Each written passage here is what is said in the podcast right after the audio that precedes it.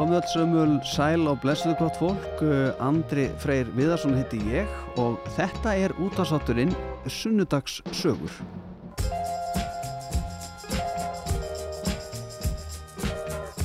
Gestur minn í þættinum í dag uh, heitir Sigrún Eðvaldsdóttir og hún er ekki komin í hús en hún er væntaleg hvaða hverju og eh, við ætlum að ræða um ýmislegt sem tengist eh, já, hennar eh, uppvakstar árum og hennar ferli sem fyrirleikari og færni og allir sigranir og já, ég veit ekki hvað hún hefur ekki búið og hvað hún hefur ekki spilað en hún hefur komið ansi víða við og já, hóf svona fyrirlunám sitt fimm ára gömul þá hjá Gíu Jóhansdóttur og uh, lauk síðan einleikaraprófið frá tónlistaskólanum í Reykjavík árið 1984 og það undir handleyslu Guðnjar Guðmundsdóttir lauk síðan bakalárprófi frá Curtis tónlistaskólanum í Philadelphia árið 1988 og svo er hún líka koncertmeistari og er það ennþá daginn í dag en þetta er alls ekki allt og við möttum að ræða þetta allt saman miklu betur en eftir ég og Sigrun Eðalstóttir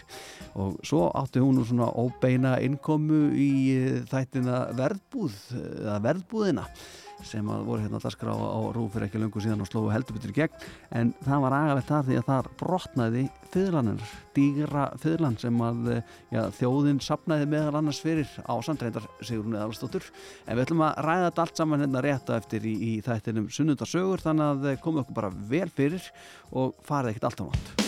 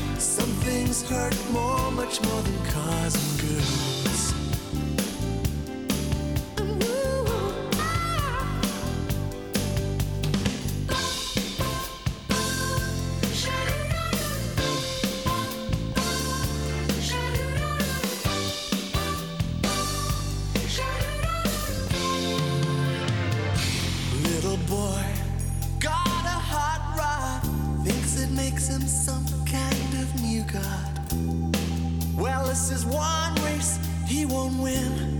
Life's no cruise. Cause life's no cruise. With a cool chick, too many folks feeling carsick. But it never pulls in. Percy's thoughts, pretty streamers. Guess this world needs its dreamers. May they never.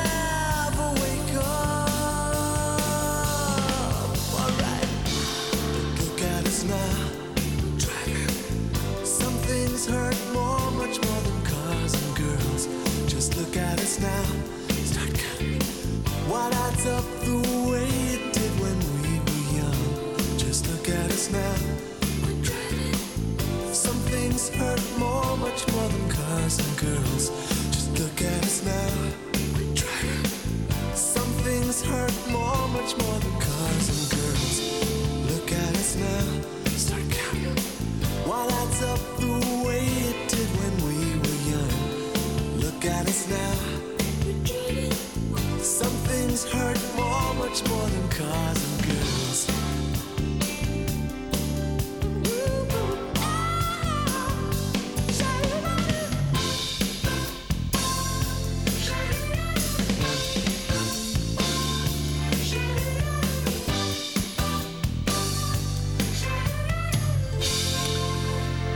Er uh, gestur minn í sunnudagsögum, hún er mætt og hún heitir Sigrún Eðvaldsdóttir og uh, já, hún er, uh, ég myndi ég óhygg að halda fram eitt þekktasti fiðluleikari landsins, sæl og blessuð og velkomin. Sælumlesaður, takk fyrir. Við byrjum ofta á því hérna í, í, í sunnudagsögum að, að spurja viðmældur okkar svona hvaða þau koma og Einmitt. manna þau eru. Já, Byrja þetta bara á upphæðinu. já, sko ég fæðist í Garðabæ, þannig að ég er svona Garðabæjabann. Og ef fóldra mínu voru sko haffyrðingar fyrst, sko en pappi minn fættist á Kálsamarsvík, rétti á Skagaströnd og þetta, þetta er lítill staður sko eh, hérna og hann er núna í eyði. Já, Þannig að þetta er aldrei svona merkilegt og, og sko hann fæðist 30, 1937, það er ekki lengra síðan, í Moldarkofa. Hvað Já, segir? þetta er rosalegt. Og sko, og, og hann, þau eru sko, faðir hans var landspóstur, skilt mér, Aha, og lést úr lúnabólgu rétt áður en pappi fæðist. já, Þannig að, hérna, í, og í þa þessa dag, þá daga, sko, þá var ekkit algengt að, að ekkjur gætu haldið fjölskyldinu saman. nei. En henni tókst það. Já. Og, og, og svo þegar einmitt pappi var nýjar og það flýtuðu til Hafnarfjörðar. Og þau áttu eina kú. Og hérna, já, eina kú, uh, saðan okkur. Og einu, þú veist, það, þau, það var mjög hart í ári og mikil fátækt. Og einu sinni, eitt, hann man eftir því að þau áttu, hefðu ekkert að borða. Og móður hans, hún bjóð til grasasúpu. Þú veist, eitthvað svona og svo eh, var það að finna við hann pappa var að svo var hann alltaf pínlítið svona matvandur og mamma sá það er ekki að, er ekki að heyra að þú hafi verið svelt í esku eitthvað svona Já, já. já, sagt, já, og ég elst upp í Garðabæ og mamma hún, já, hún fæð, fæðist í Hafnarfirði á strandgötu Já. já, akkurat Hva, fórstu eitthvað tíma að skoða uh, ég voru okkar að leifar af Moldabænum eftir að þú skulle segja þetta vegna þess að sko hann, við fórum oft í bíltúra þarna í gamla daga með pappa Já. Og, og þá vorum náttúrulega bara svo li, litlar við sýsturnar að maður var ekki alveg að skilja þetta. Síðan árið 2012 þá, þá, þá fór ég svona ein í svona pílagrímsför. Já, og hérna á bílnum mínum það var æðislegt hérna í júni og sko nú eru sumarbústæðir þarna. Já, og hérna og rosalega, það var brjálað kríuvarp. Það var stór hættulegt að labba þarna en þú veist, ég, ég fílaði þetta í tætlur og var þarna eina uh, leika mér í fjörinni já, og, og síðan er alveg rosalega, ég veit ekki hvort þú komið ánga það er aðeinslegt svona stöðlaberg Aha. og, og það var með þess að þegar allt var í blóma þá var, leik, var leikfélag og kvenfélag og, og amma rekti vist pípu. Þetta var, þetta var, þetta var svona já, já, og svo var ein krútli saga sem pappi sagði alltaf að á, það var náttúrulega mjög snjóðþungt á vetuna og svo voru strákarnir að leika sér að, hérna, að leika sér að hoppa niður af, af, af Stuðlaberginu. Sko, já, og svo var alltaf eitt strákur, alltaf sami strákur að láta hann hoppa fyrst. Svo ef hann sagði, ég meiti mig ekkert þá, þá, hérna, þá stöku hinnir. Þetta Já. er svona alltaf krútlega sögur sem að sagði okkur. Já, einmitt, einmitt. Já. og frá skemmtilegu svæðum að tala. Mjög, Já. Ég held það sko. Já. og hvað gerði pappiðinn hann var sjómaður alla, alla sína æfi já, og hvernig var, uh, voru þeir túrar? Voru það langi túrar, voru það dagsferðir og... einmitt, sko, þegar við vorum litlar þá var hann skipstjóri á nokkrum, nokkrum svona þú veist, tórum. Mm og þar, ég man sérstaklega eftir Faxi GK, hann var mjög lengi á honum og Barðin og þá, þeir sildu til Húl og Grimsby ég man alveg eftir þessu. Svo, svo setna í lífinu þá var þann trillukall og gerði út frá sandgerði Já, og bara já. Hérna er. En, en mamma þinn, hvað gerir þú? hún var, hún nefnilega sko, hún sagði alltaf að tónlistin kæmi frá henni. Og uh, hún nefnilega var fýluleikari og lærða fýlu sem ung stúlka hjá Byrni Ólafsinni sem var fyrsti konsamestari í Sinfljónstinni rosalega merkilur um, indal maður. Og hérna svo þegar hún var að reyna eignast okkur sýstur mína þá hætt hún, ég held í svona 20 ára spila. Og svo þegar við vorum eh, orðna, ég var fimm ára þá byrjaði hún að æfa sig aftur og tók og fekk aftur indökuprófin í tónlistaskólan sem, þú veist, eldri kona og tók síðan kennarapróf og kendi síðan ég man bara eftir henni sem sko kennara. Já. já, Var hún það ekki svolítið stolt að þér, Sigrún Eðvaldsdóttir, þegar að þú, uh, já, afrekaðir allt sem þú hefur afrekað eh, sem fyrirleikari og mjög unga aldrei mér jú, viðstu, ég held þetta að hún hafi verið mjög stolt af mér og, og svona líka þegar lengra líður frá þessu Já. þá skil ég meira annar memmi mínu náttúrulega og allt sem hún gekk í gegnum og ég held, jú, að hún hafi verið alveg sjúklega stolt af mér Já, já. Hvernig bat varst þú, Sigrún? Ég, ég var vist alveg brjálæðislega res Já. og skemmtileg eða sko, eða sko, sko mamma sagði reyndar ég hefði verið ofslega góð þú veist, ég, það var aldrei neitt vesinn að mér en síðan þegar ég byrjaði sko í skóla þá var svo mikil orka í gangi og ég fekk alltaf útrás í skólanum ég man alveg eftir þessu og vinkonum mín að tala líka um þetta og, og, og kennarar ef þeir heyra mig þá er já, einu sem talaði og talaði þá sigur hún, þú veist ég, ég held ég hafi bara fengið algjör útrás Já. Og verið svo góð heima? og svo er ég bara góð og gætt bara eftir mig og bara, já, Já, já. Áttur mörg sískinni sko, við erum tvær allsistur, Já. og það var ekkit meira en það. Það, nei, og, og hún sko er fjórum árum eldri Já, svona gekk á ymsu já, já. og hún, hún er líka fyrirleikari Já, já, þannig að mikil músík á heimilinu. mjög mikil músík og stundum voru allar þrjár í sikurherbyggina af, af okkur og þá sagði pappi þar fannst honum best að leggja sig Já, já, já. það svaf hann mjög verðt já. Það, það er svolítið skrítið því það eru margir sem að svona óttast það jafnvel að börnið þeirra vilja fara að æfa sig á Já. fiðlu. já, Af Því að svona skruðningar eins og ískur og læti, jú, jú, en þetta fannst honum bara gott. honum fannst þetta alveg frábært Já, já. Basti, var alltaf tónlistin sem var nummer 1, 2 og 3 þegar þú varst krakkið eða voru eitthvað aðra svona tónstundir sem þú stundaðir? Sko, það var auðvitað kannski aðalega eh, tónlistin, en þegar ég var svona 14 og 15, þá hérna langaði mitt aldrei að fara í leiklist, Já, fangur svona útrast þar og meirsa að það var svo yndislegur umsjónakennarinn okkar, hún, hún rettaði leiklistanámskeiði fyrir okkur, það var alveg, við fengum aldrei út úr þessu og svona kynnast þessu. já, já, já, já koma fram og Já. allt því sem fylgir. Já. Sko, uh, hvaða ári eru þetta sem að þú ert barn í Garðabæn? Já, þetta eru þá árin, á ekki bara segja hvernig ég fætt, ég fætt 67, Já, já, já, þannig að þetta var alveg sko 70, og, þú veist, og svo, svo reyndar, ég var bara 17 ára þegar ég lagði landundur fót og fór út að læra. Já, ég var ansi ung sko.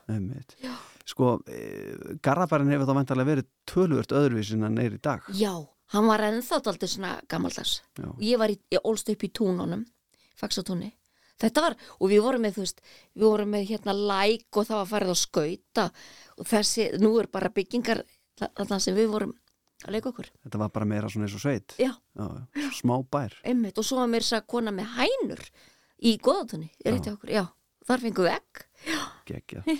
Og grasasúpu. Eftir rétt. Ég ætla að taka smá pásu hérna núna og halda Já. síðan áfram að tala við hérna Sigrunu Eðvaldsdóttur sem er gestur minn hérna í snundasögum og þá ætla að fara eins meira í, í fyrirluleikin og, og uh,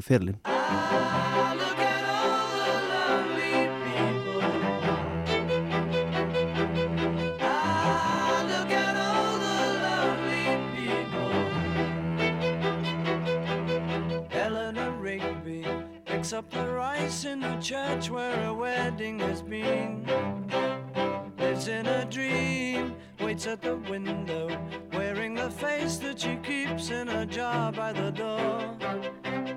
Who is it for? All the lonely people. Where do they all come from? All the lonely people, where do they all belong? Father Mackenzie, writing the words of a sermon that no one will hear. No one comes near. Look at him working, darning his socks in the night when there's nobody there. What does he care? All the lonely people,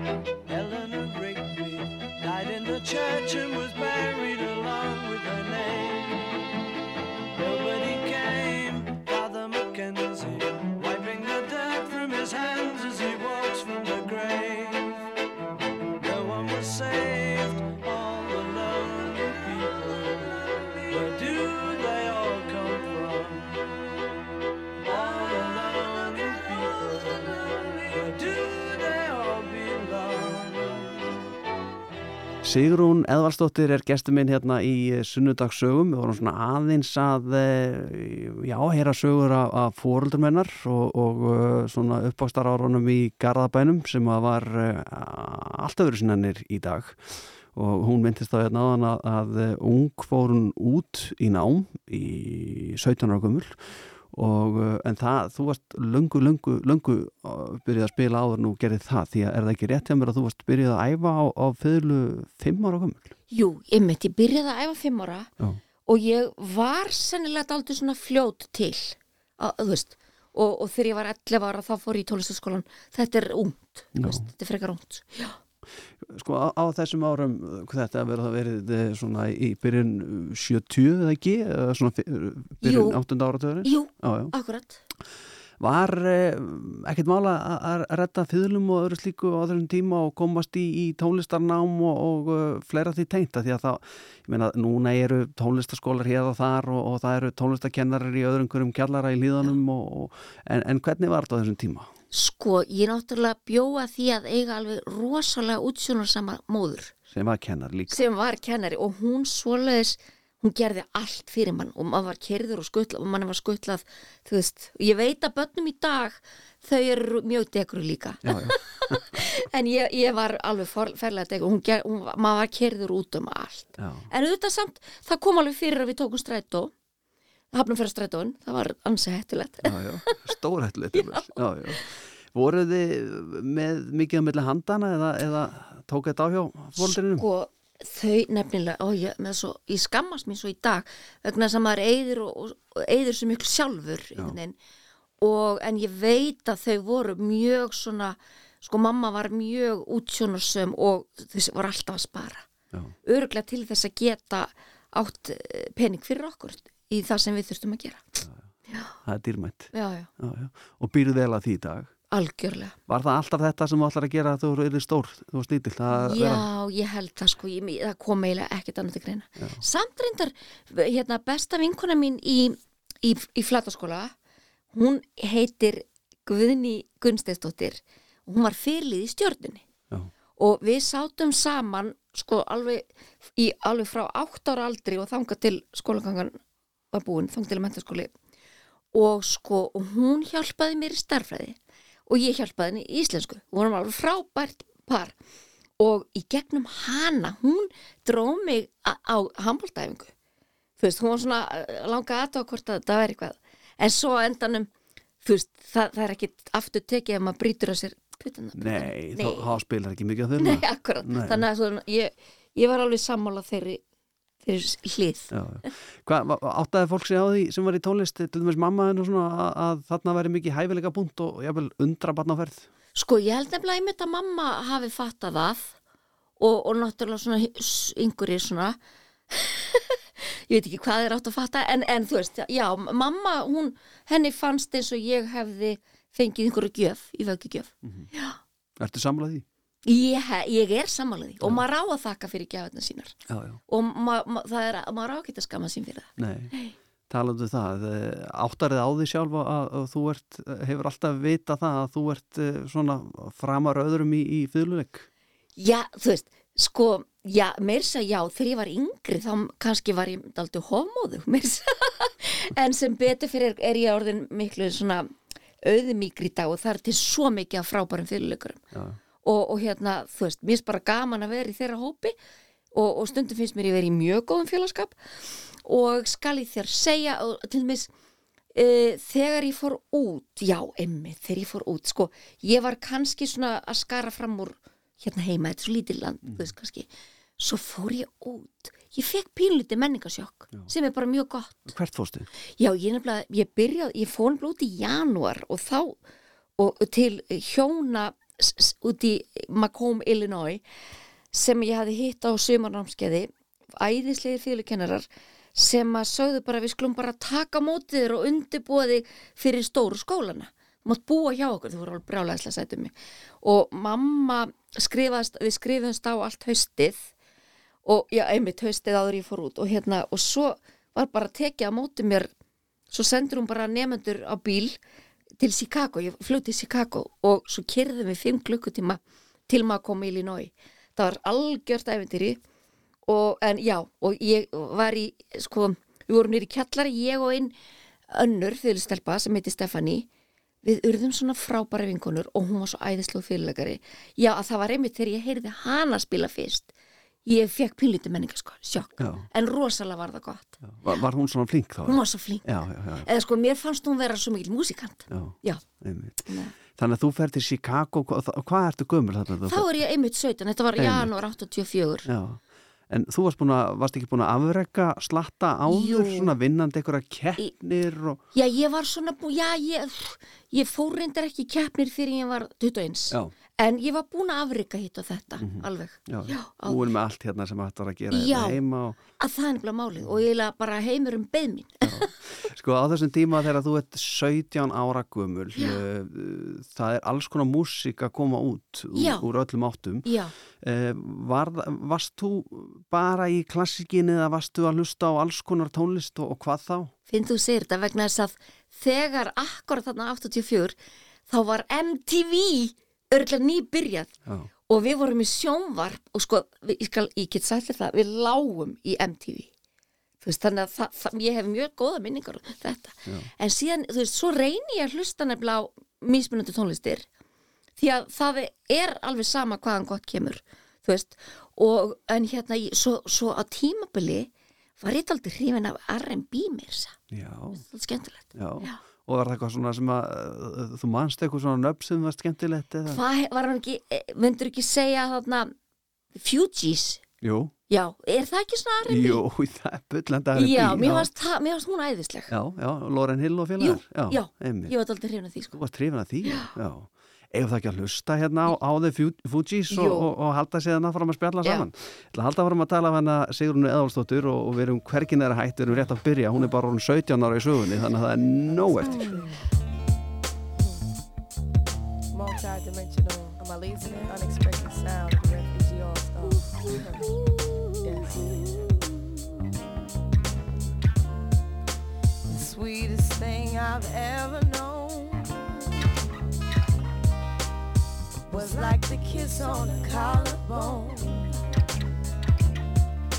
The soft caress of happiness the way you walk, your style of dress. I wish I didn't get so weak. Oh, oh. ooh, baby, just to hear you speak makes me argue just to see how much you're in love with me. See, like a queen, a queen upon her throne was the sweet,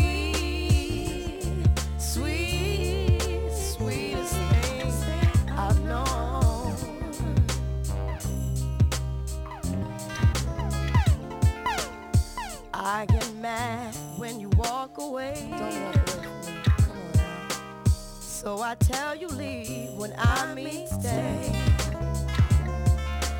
Warm as the sun dipped in black. Fingertips are small on my back. More valuable than all I own.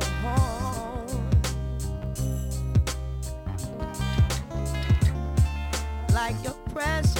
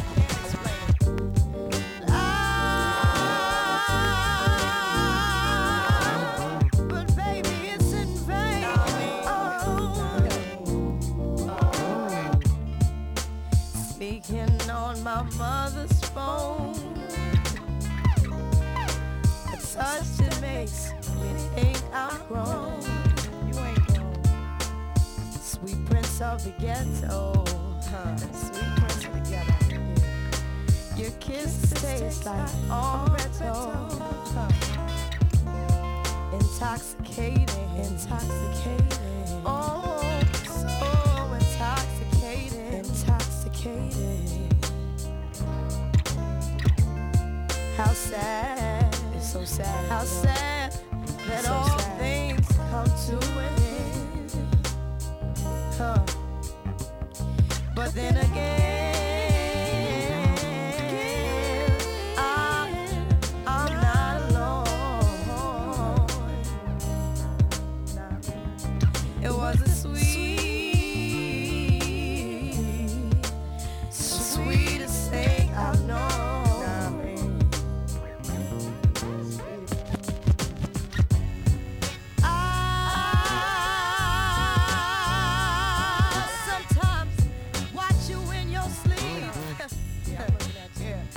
Sigrún Eðalstóttir er gestur minn í sunnundarsögum og uh, þannig voru að hlusta á uh, Fugees, eitthvað sem hún hlustaði mikið á eða hafði mjög gaman af þegar hún var að horfa á þetta MTV og svona á sín tíma þegar hún var í, í, í Chicago að uh, æfa sig og, og læra ennþá meira á þyrluna, hún er búin að læra allt sem hægt var að læra hérna heima og uh, hún er komin út í nám til Chicago og sko þetta er ekki eina ferðin sem þú fyrir til útlanda til þess að menta þig á Sigrún. Nei, nei, ég síðan sko, ég, já, þar hafi verið ó- ótilandi eftir það. Og síðan fór ég, tók alvaran við vegna þess að um haustið 84 þá fer ég í tónlistaskóla í Curtis sem er í Philadelphia í Bandaríkjunum, í Pennsylvania og skal ég þér segja og þetta er alveg, svakalega góð skóli og þetta var þannig að sá sem komst inn, þú þurftir að þreita pröfuspil að hann fekk ókipi skólavist í fjórar Já. þetta er náttúrulega æðislega Já, og það, það er ekkit ódýrt að fara í, í námi í bandaríkjum. það er nefnilega bara mjög dýrt þannig að það, það var ekkert erfitt þegar þetta lág fyrir ég, ég komst líka inn í Juilliard sem er í New York Já. á styrk og hérna en, en þú veist hinn var miklu minni skóli hugsa betur um einstaklingin já, Já, já. já, Hvernig fannst uh, svona vinuðinum uh, sem voru hérna eftir heima í, í Garðabænum, fannst þið mikið stórmerkilegt að vinkona þeirra var í, í bandaríkjanum að spila fiðluna sín? sennilega en ég, viðstu, ég hef aldrei alveg spurt þau. Nei, en þú veist, þau voru bara vönn því að ég væri alveg bara eittur og fýðla þú veist, þau voru bara svo vönn því. Já. já, já, En varstu alltaf úti líka svona á, á, að komstu heim á jólum og... já, ég svo, bara, var svo heppin. Ég kom alltaf heim í jólunum og ég var með svo miklu heimþráð og ég, og ég var líka svo mikið batt, ég kunni ekki að hugsa um sjálf mig þegar ég, ná 17 ára, þetta var alltaf erfitt hann að móðu mína. En þú veist, auðvitað læri maður að lífinu öndanum og það rættist úr mér og hérna, en ég, og svo kom ég oft, alltaf heim á sumrin þannig að pældi, og svo kom ég oft heima, heim í þriðaskipta árinu til þess að spila á einhverjum tónleikum Já, þannig að, það- að ég var alveg lukkunar pannvill. En hvernig var það í fjölskyldubóðum og svona? Varstu aldrei látið spila þar? Guð, ég er svo glöð, nei það var aldrei svo Nei. Ég er svo fegin því, svona eftir á higgja Mælir með því að fólk sem er með krakkana sinna í tónlistanámi að þessi ekki að óta þeim í, í, í fjölskyldubóðanum og láta það spila fyrir hinn og þessa ættingja? Já, því að það getur orðið kannski kvöð Já, fyrir þau. Já, já. en svo auðvitað á móti kemur að auðvitað sko ef þau vilja það og tala nú ekki um að þau byggja bara má ég spila fyrir þau? Þá ætti maður náttúrulega að leifa já, já. en þú veist, já, Já, þú varst þarna í uh, Philadelphia í, í Pennsylvania Já. og uh, þú er búin að vera í Chicago Já. uh, Ferðu víðar um bandarækin? ég, svo, einmitt svo þegar ég var búin í Curtis svo náttúrulega, þú veist, svo, uh, þú veist ég var 21 þegar ég útskrifaðist ég átti kærasta Já, sem var bassalegari og e, var, e, var síðan í Metropolitan Opera hljónstinni í New York hann var sjálfur frá New York og hann var svona eins og stóri bróður minn. En við vorum bara tvö ego. Mm. og hérna og ég vildi fara heim á sömurinn og hann vildi fara til Aspen. Hann vildi spila golf. Þetta, við vorum alveg agaleg. Þannig að þetta endist ekki sko. en, en á þessum tíma samt það var brjálæðislega gaman. Það var alltaf svo mikið fjöri kringum hann sko. Og ég kynntist New York, upstate New York mjög vel, hann átti heim í Rybrook sem er afsalega fallegur staður í Connecticut og hérna og síðan gerist það nefnilega að þegar ég er nýjútskriðu Curtis þá fæ ég símringingu frá Miami og þá átt að stopna strengjakvartett við tónlistaháskóla sem hétt New World School of the Arts. Og ég var bóðið í svona pröfuspil, hvort ég myndi vilja pröfuspila fyrir hennan strengjakvartett. Og, og ég geri það og þú veist, var svo sjúklega gaman og ég fekk starfið þannig að þetta voru ævindarleg tvö ári í Miami sem ég, þú veist, og þá átti ég kærastan minnan Lee og, og hann kom að heimsækja og þetta var og, skemmtilegu tími já. Var það á, á, á og svo, svo ertu líka uh, í Danmörku það ekki? Jú, svo, lífið er svo fyndi Já. hvert að leiði mann Það var að tegja út um allt tegum þetta á allt og, og sko málið er að þegar ég eh, vendi mínu kvæði í kross og, og fer frá Ameríku Já. það var 93 held ég að það hafi verið eða 2 og þá var ég sko þá var, var ég byrjuð að fara í keppnir. Og þá var sko það var svo mikið að gerast. Ég var alltaf að fá einhverja tónleika út á velunin og þetta vatt svo mikið upp á sig sem var æðislegu tími. Og síðan ákveðum við að skilja. Já, Já, og hérna og þá ákveð ég að fara fyrst heima þess til að hugsa uh, málið. Og svo, var ég, svo fann ég umbósmann eða komst ég saman til umbósmann í Englandi? Þannig að þá fær ég mig til Englands. Og, og það var líka æðislegu tími því að þar var ég bara á mínum forsöndum að spila og maður gæti ekki sagt nei við neinu, þá saði ég já við, já, já, já, og í næsta mánu, já. Þá bara saði ég já við öllu.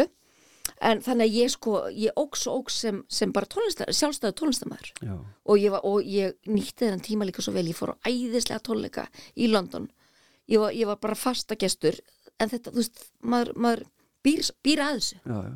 Þegar þú segir æðislega tónleika í London, þú veist hvað er að tala um þannig hvað, 95? það eru akkurat að tala um 95 til 97 til dæmis. Þannig nú Spice Girls er það ekki og svona. Þá dættu mörgum í hug hvað voru það tónleikarnir sem Sigur og fór? Eh, nei, Ég, ég, veist, en það, ég viss, vissulega höfðu þær áhrif á mig því að þær voru akkurat að koma á sjónarsviðið þarna á, á þessu leiti á, á þessum tíma segi ég. En ég náttúrulega bara þrætti fyrirluleikara tónleikana og hljónsveitu tónleikana sérstaklega það voru fyrirlu einleikarar Þannig ef þú varst ekki að spila sjálf, þá varst að hlusta á aðra að ég spila. myndi segja það Já. Já. Varst ekki þreytt á þessum tíma, þú veist það eins og vorum að tala um hérna, þú ert Já. út um allan heim að spila, það er alltaf verið að ringi þig Já. og þú, þú segir já við öllu, Akkurat. alltaf að spila, Já. tók þetta ekki á?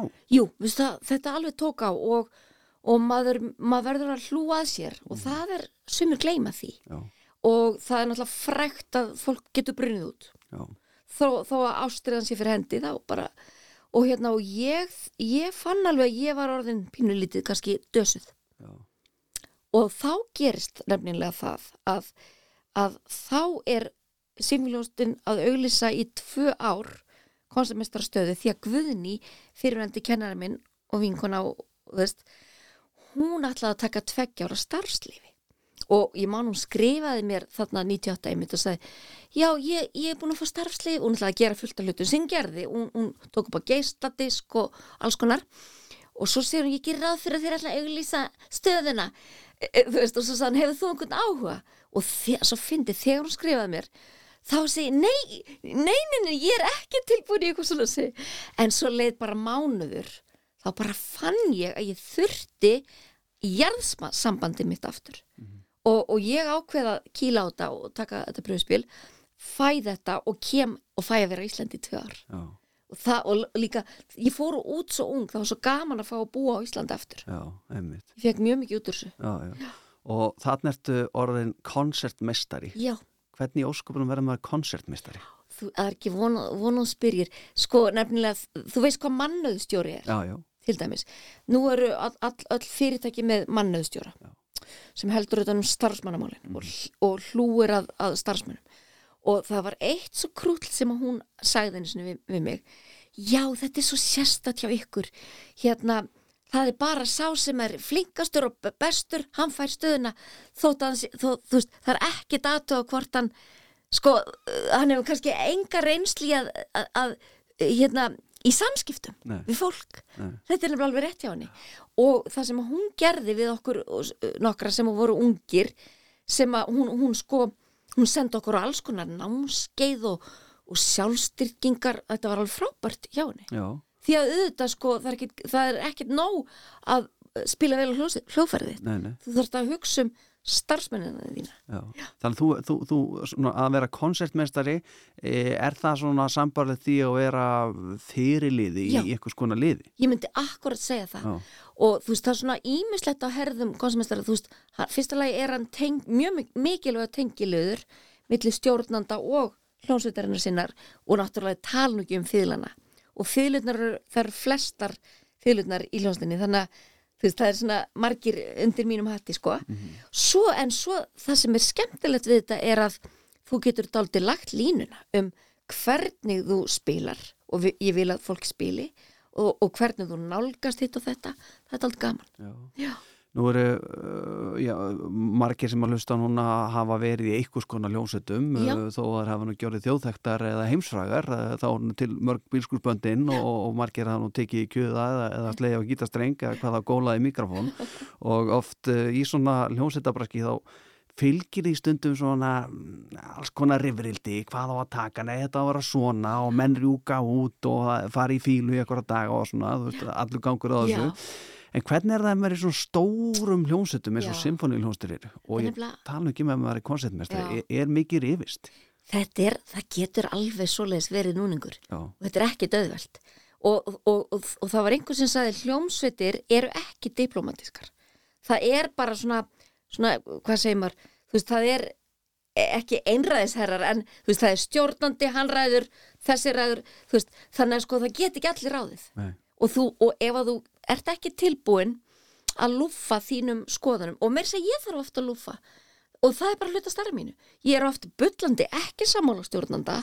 Nú allar hann að gera þetta svona veist, en ég segi ekki neitt og bara gera það sem ég er beðin um að gera en það, sumum finnst þetta mjög erfitt. Já, og auðvitað geta verið mjög óþólandi svona moment í hljónsutum já. Er það kannski ástæðan fyrir því að, eins og með hljónsett eins og Sinfó, já, uh, maður er oft heyrt að, að já, bestu partíum séu hjá symfóniuljónstinni, það er alltaf mesta gleðin í partíum þar. Er, er ástæðan fyrir því kannski það að það er búið að vera mikil spenna og svo loksins er að tónleikar eru búnir eða eitthvað slíkt, þá er farið niður að fengja sér í glas og aðeins svona. getur verið, þetta fyndið að segja þetta. Sko, ég hef oft sagt og sko, sumir segja líka, við erum svo náin. Við þekkjumst öll frá batnæsku flest sko sem er að mörguliti gott að auðvitað líka stundum ekki nóg gott, því að það verður ekki alveg nóg svona professional, Já, en sko ég segja oft, þessi hljónsett hún kann sko alveg að skemmta sér. Og, er, og, það, og vegna þess að okkur er andum hvort annað þegar öll á bátninu er, er, er á bátninu hvort já, já. og hérna, okkur er ekkert sama og það er mjög mikil samhugur eins og náttúrulega Íslendingar sín alltaf þegar að hólminni komið. Já, það er svo mikil samhugur. Já og mér, þú veist þegar við erum að ferðast í rútum erlendis og svona, það, það er bara það er aldrei skemmtilegra Sigrún uh, Eðarstóttir, uh, við ætlum að halda áfram að ræða þeim saman hérna rétt á eftir og uh, það er nú ímislegt sem við ætlum að spyrja þú út í, það er að meðal hemmigun Já. og, og þín innkoma í, í, í þættina verðbúðina sem að var svona, það má segja það og þú varst óbeint þar. Við ætlum að halda áfram að spjalla saman þeim rétt á eftir í uh, sunnudagssögum.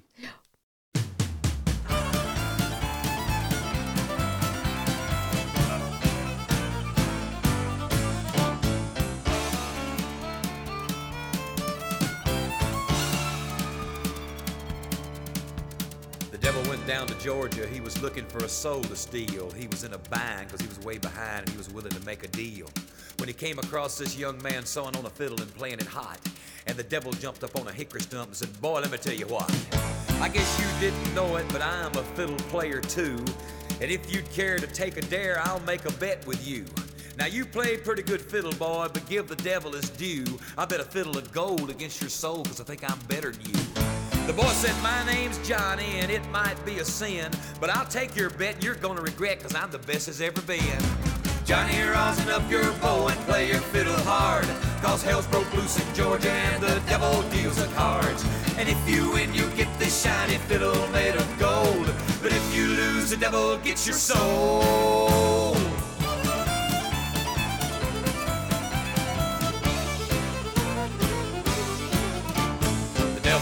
Up his case and he said, I'll start this show. And fire flew from his fingertips as he rosined up his bow. And he pulled the bow across the strings and it made an evil hiss. And then a band of demons joined in and it sounded something like this.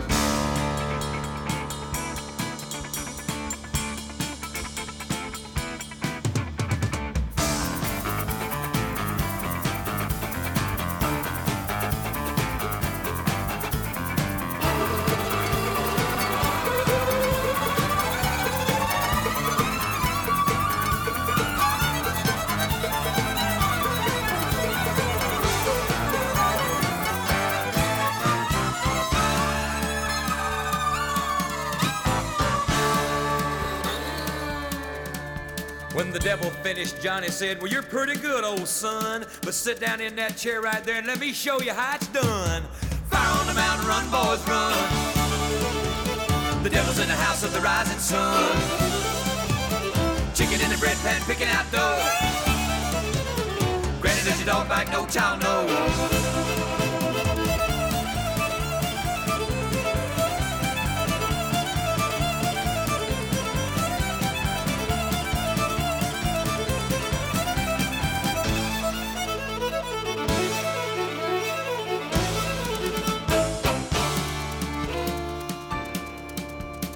Devil bowed his head because he knew that he'd been beat. And he laid that golden fiddle on the ground at Johnny's feet. Johnny said, Devil, just come on back if you ever want to try again. I done told you once, you son of a bitch, I'm the best as ever been. He played on the Mountain, Run, Boys, Run. Devil's in the house of the rising sun. The chicken in the bread pan, picking out dough. Granny, where your dog bite, no child knows.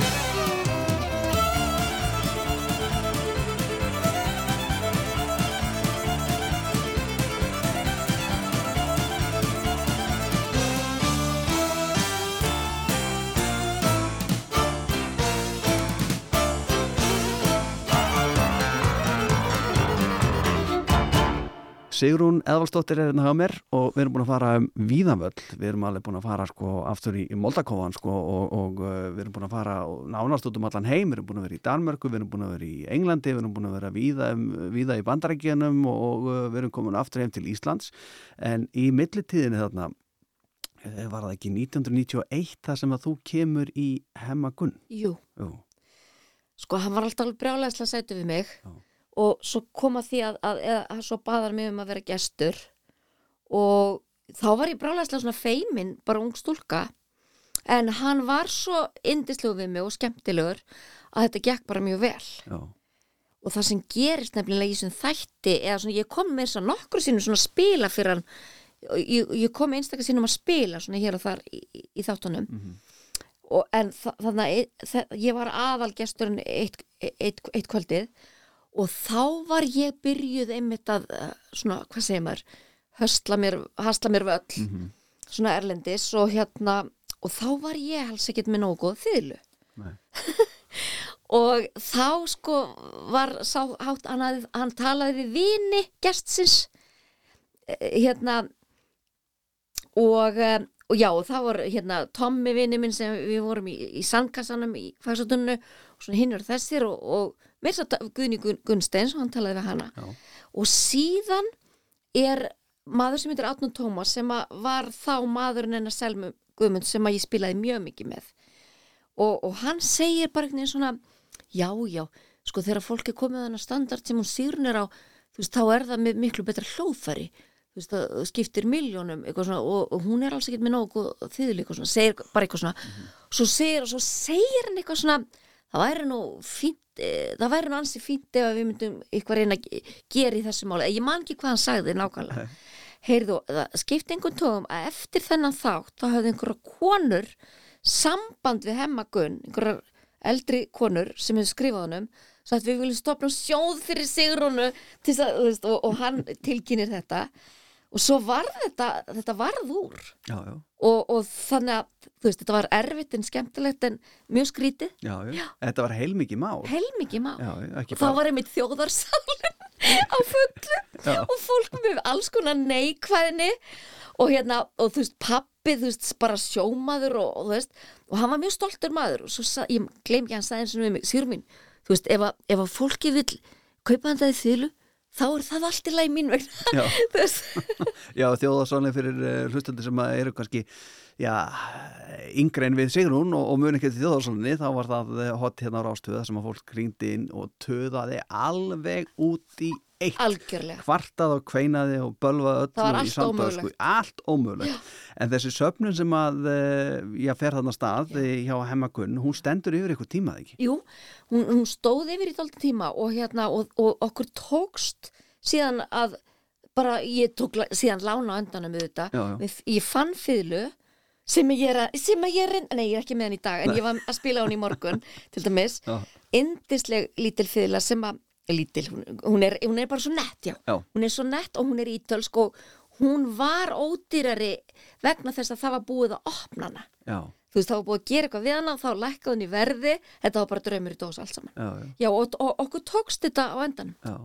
og, og, þú, og þú sko ferð ekkert í rín og kaupir þessa fiðlu, þú ferð Nei. út í heim og ert að leita og leita og leita því. Ég leitaði þetta, ég var alltaf að prófa fylgur og hérna, og svo fann ég þessi í London á endanum og, og ég gleymi ekki þegar ég, ég, ég spilaði fyrst og ég var bara ég ætla ekki að spila meira á þessa fyrir ég veit, veit meira um hana veist, og ég svo spurði ég bara, er þessi eitthvað inn í myndinni og, og þá reyndist það alveg vera Já, og þetta er ekki eins og að, eh, finna sér skó í kringlunni þú, Nei. þú ferð ekki að milli búða og mátar og aðeins stærri, nei, nei en þú ferð víða og Já. leitar bara náðast út marla heim Já. að þessari fiðlu Já.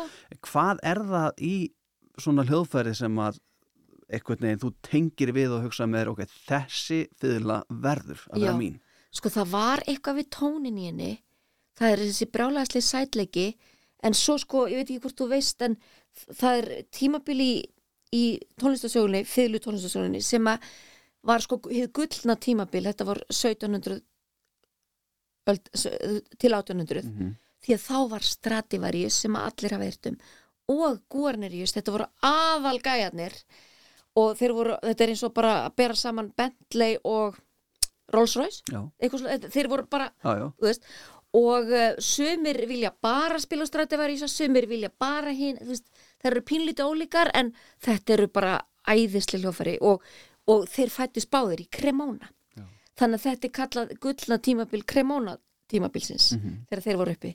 Og það vil svo skemmtilega til að þessi litla fallega sæta fiðla sem ég fann hún var smíðuð af föður sem satt föður Gornerius gæjans og þeir unnu saman á vest, vestæði þannig að þetta er svona alltaf skemmtileg saga. Já, en og þetta Cremona Sound það er líka kallað um, kallað um Cremona Soundið það er bara eitthvað sound sem að þú finnur ekki í ungu fylunum í dag. Nei.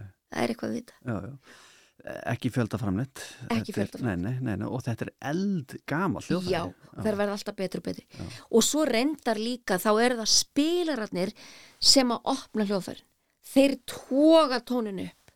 Þú veist, það, það er á allra kannski færi. Nei, nei. Er þetta besta fiðlan á landinu?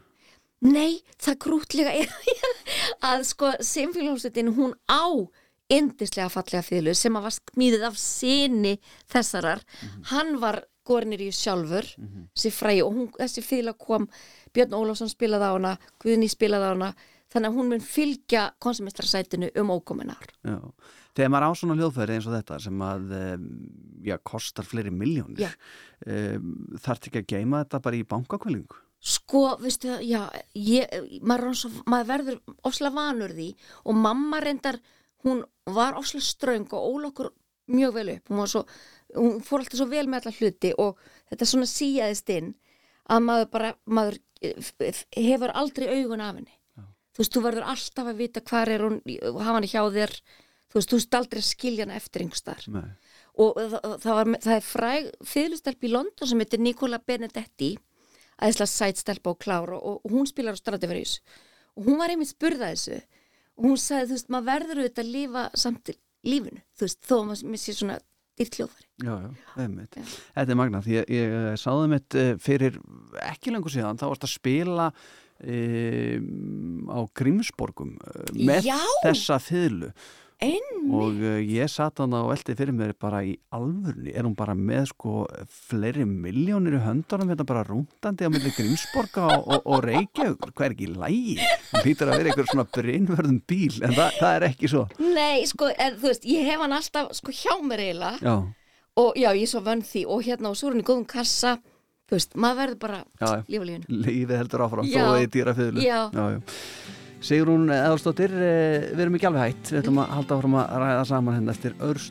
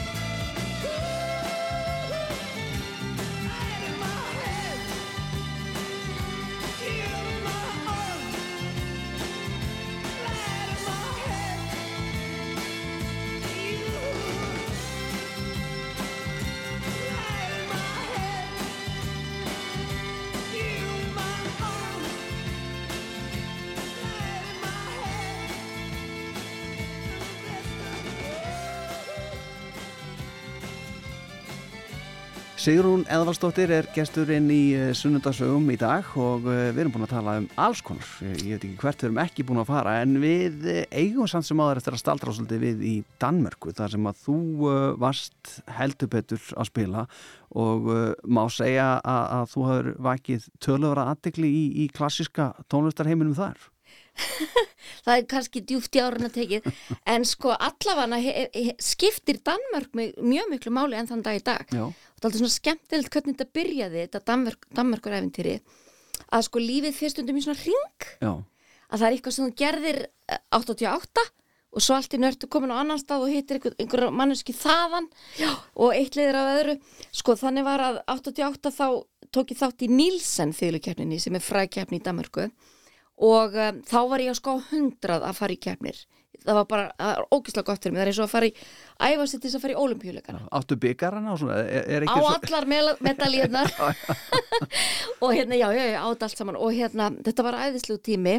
Vegna þess að þú ert að setja sjálfan þig uh, sko, þú ert að setja sjálfan þig á herri standard.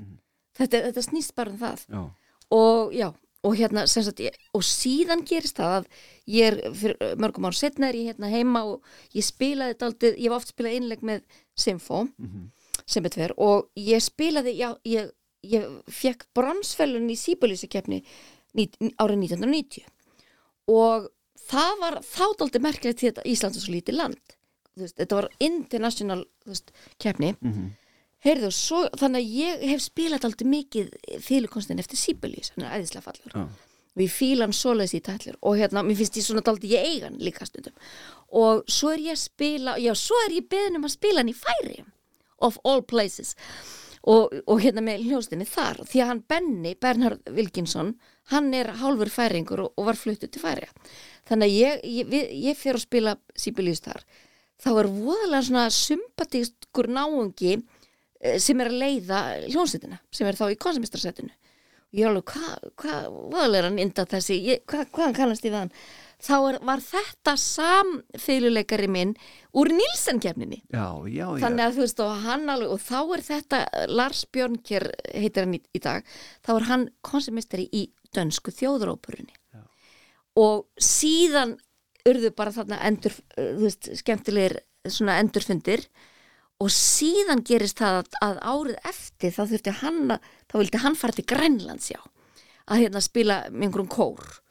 Og vant þá þurfti hann að fá einhvern konsumistari til að dekka sig til að taka eitthvað projekt í óperunni. Ringir í mig.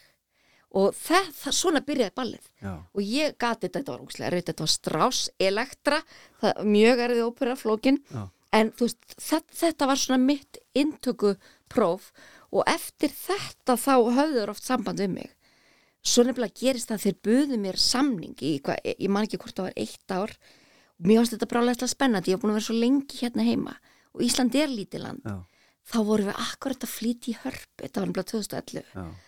og framkvæmdastjórinn sagði bara Sigrun, ég er bara skítrættur við þetta. Ég, þú veist, þú verður að fylgja hljónstinni inn í hörpu, þú veist, þetta voru svo mikið viðbriði og ég var alveg sammála þetta fer ég ekkit að stökka frá, borði á þessum mikilvægu tímamótum Nei, nei. og ég held ekki þeir að þeir myndu aldrei byða mig aftur en þú veist, þremur árum setna þá sp- báðu þau mig aftur Já. þannig að veist, þetta fór svo vel Já, magna. Já. Sko þeir eru að spila og ég tala ekki um sko, þe- þe- þeir eru að stýra hljónsveitinni Já. bara, þú ert, að, þú Já. ert fyrirliðin sko, í, í konunglu dönsku óperni Já. sko. Eh, Þeim að spila á, á þannig stöðum og uh, líka bara eins og þú hefur verið að spila út um allan heim og taka þátt í keppnum hér og þar og svona. Þú ert stundum að spila í rauninni bara fyrir konungsfólkið, eða ekki? Já, jú, Hvernig er það? æðislegt Já, Mér sé spilaði fyrir þetta, hún- Dana drottning, hún var oft þarna. Já, það er æðislegt. Það, maður hugsa, vá, en hvað er gaman. Já, já. Freka, það, það, þú ert ekki stressu kannski, þetta er bara gaman. Bara gaman, sko. Já. Það er alveg magnað. Eh, Sigrun, hefur þau verið að leika eitthvað svona í, hefur verið fengið mikið í popmúsíkinu eða eitthvað svona eða? Nei, nennur því ekki, þú þarf þessi kannski. Sko, ég hef einstakast sinni gert það. Reyndar kom ég út úr skápnum þegar Simfó spilaði með skálmöld. Já, Ég bara það, ég, heyrðu, svo heldur þeir tónleika með sömu lögunum stuttu setna. Ég var bara að byrja, hvar var ég? Akkur töluðu þau ekki við mig? vildi meira? Já. já. Þannig að þú er gaman að því að spila um skálmöld. Dásanlegt. Segir hún hvað, eh, sko í dag ert þú koncertmeistari hérna Já. heima, ekki? Ég er ennþá þar Já, og hva, hvernig, hvernig virkar það? Eh, Þú veist, eins og margir þegar maður er að vinna í úttarpi Já. og uh, svona undir velnum kringustæðum, þá er ég ekki hérna á, á, á sundugum, eitt svona aðalutur hérna á Rófið bara að vinna í þætti sem heitir síðdeis úttarpi frá 4 til 6 og það Já. er margir sem spyrja, er ekki fínt, er þetta ekki bara tvekja tíma vinnudagur? Einmitt. Þetta er aðeins meira, Akkurat. en hvernig er það þegar maður er koncertmeistari? Er- Ertu með hugan við þetta allan daginn eða nærði eitthvað þegar að skilja vinnun eftir heima og, eða í vinnunni og hvernig er vinnutími? Einmitt, sko nefnilega það sem kvílir alltaf á okkur tónlistamönnunum, við þurfum alltaf að halda okkur í formi og þú veist, og þó ef við erum ekki í hörpu þá verðum við samt að vera í formi og æfa okkur og þá þarf maður að halda þessu ástarsambandi við hljóðfarið gangandi. já, Það er ekkit endilega hlaupið að því alltaf. nei, En þú veist, ég er fyrir, ég er búin að finna það út, það er best fyrir mig að reyna alveg kúpla með frástundum og gera eitthvað skemmtilegt annað. já, Það hjálpa mér líka bara og hjálpar heilan. Eða sko því að, því að, veistu hvað, við erum til dæmis núna í þessari viku að spila John Adams, brjálaðislega flott tónlist. Hann er mjög merkilegur og hann er sjálfur að stjórna og vikingur að spila pían- eh, og sko heilin á manni þarf að vera svo sprækur og, það, þú veist, það, og það, maður getur alltaf verið að æfa þetta einn heima en maður þarf að mæta alveg kýrskýr mm -hmm. skrítið, Þannig að það má ekki mæta þunni í þessa hennu. nei ekki minn einu þóku Nei, nei, nei, nákvæmlega. Þetta er magna og allar að vera að stefnur að því að já, þetta verður bara þitt æfistarf það sem eftir er. Þú ætlar bara að vera í, í með fylunni hendinni og koncertmestari. ég hugsa það, sko stundum eh, það kemur alveg fyrir, ég hugsa, ég, ég ætla að fara hérna ég ætla að fara eitthvað annað, þú veist en ég hugsa, ég gera það ekki. Það er svo mikill lútsis að búa hérna og það eru frábærar vikur sem við fáum. Engin vikar eins. Þú veist, maður verður bara, og maður verður að búa lífið sínu, sko hafa lífið sitt þannig að það sé skemmtilegast líf, lífið. Já, já. Það er nokkuð gott og þetta er margir að taka það til sín en, en Já. Um, er einhver betra á Íslanda á fiðil en þú? Þa- Þetta, ég get ekki svarað þessari spurningu það er frá, fullt af frábæru frábæru fólki hérna. Já. Er fiðluheimurinn, eh, því að þú minnist á að, að þú hittir sko svo bara gamlan félag allt í hennu, hann er bara með þér í ljónsveit einhvern veginn og þú veit svona, er maður mikið að rekast á sama fólkið í þessum fiðluheimi þegar maður er komin á svona þann stall, stall sem að þú ert á og hefur verið á í gegnum tíðina. Eh, Er þetta lítill heimur, er þetta fáir fiðluleikarar og þekkisti?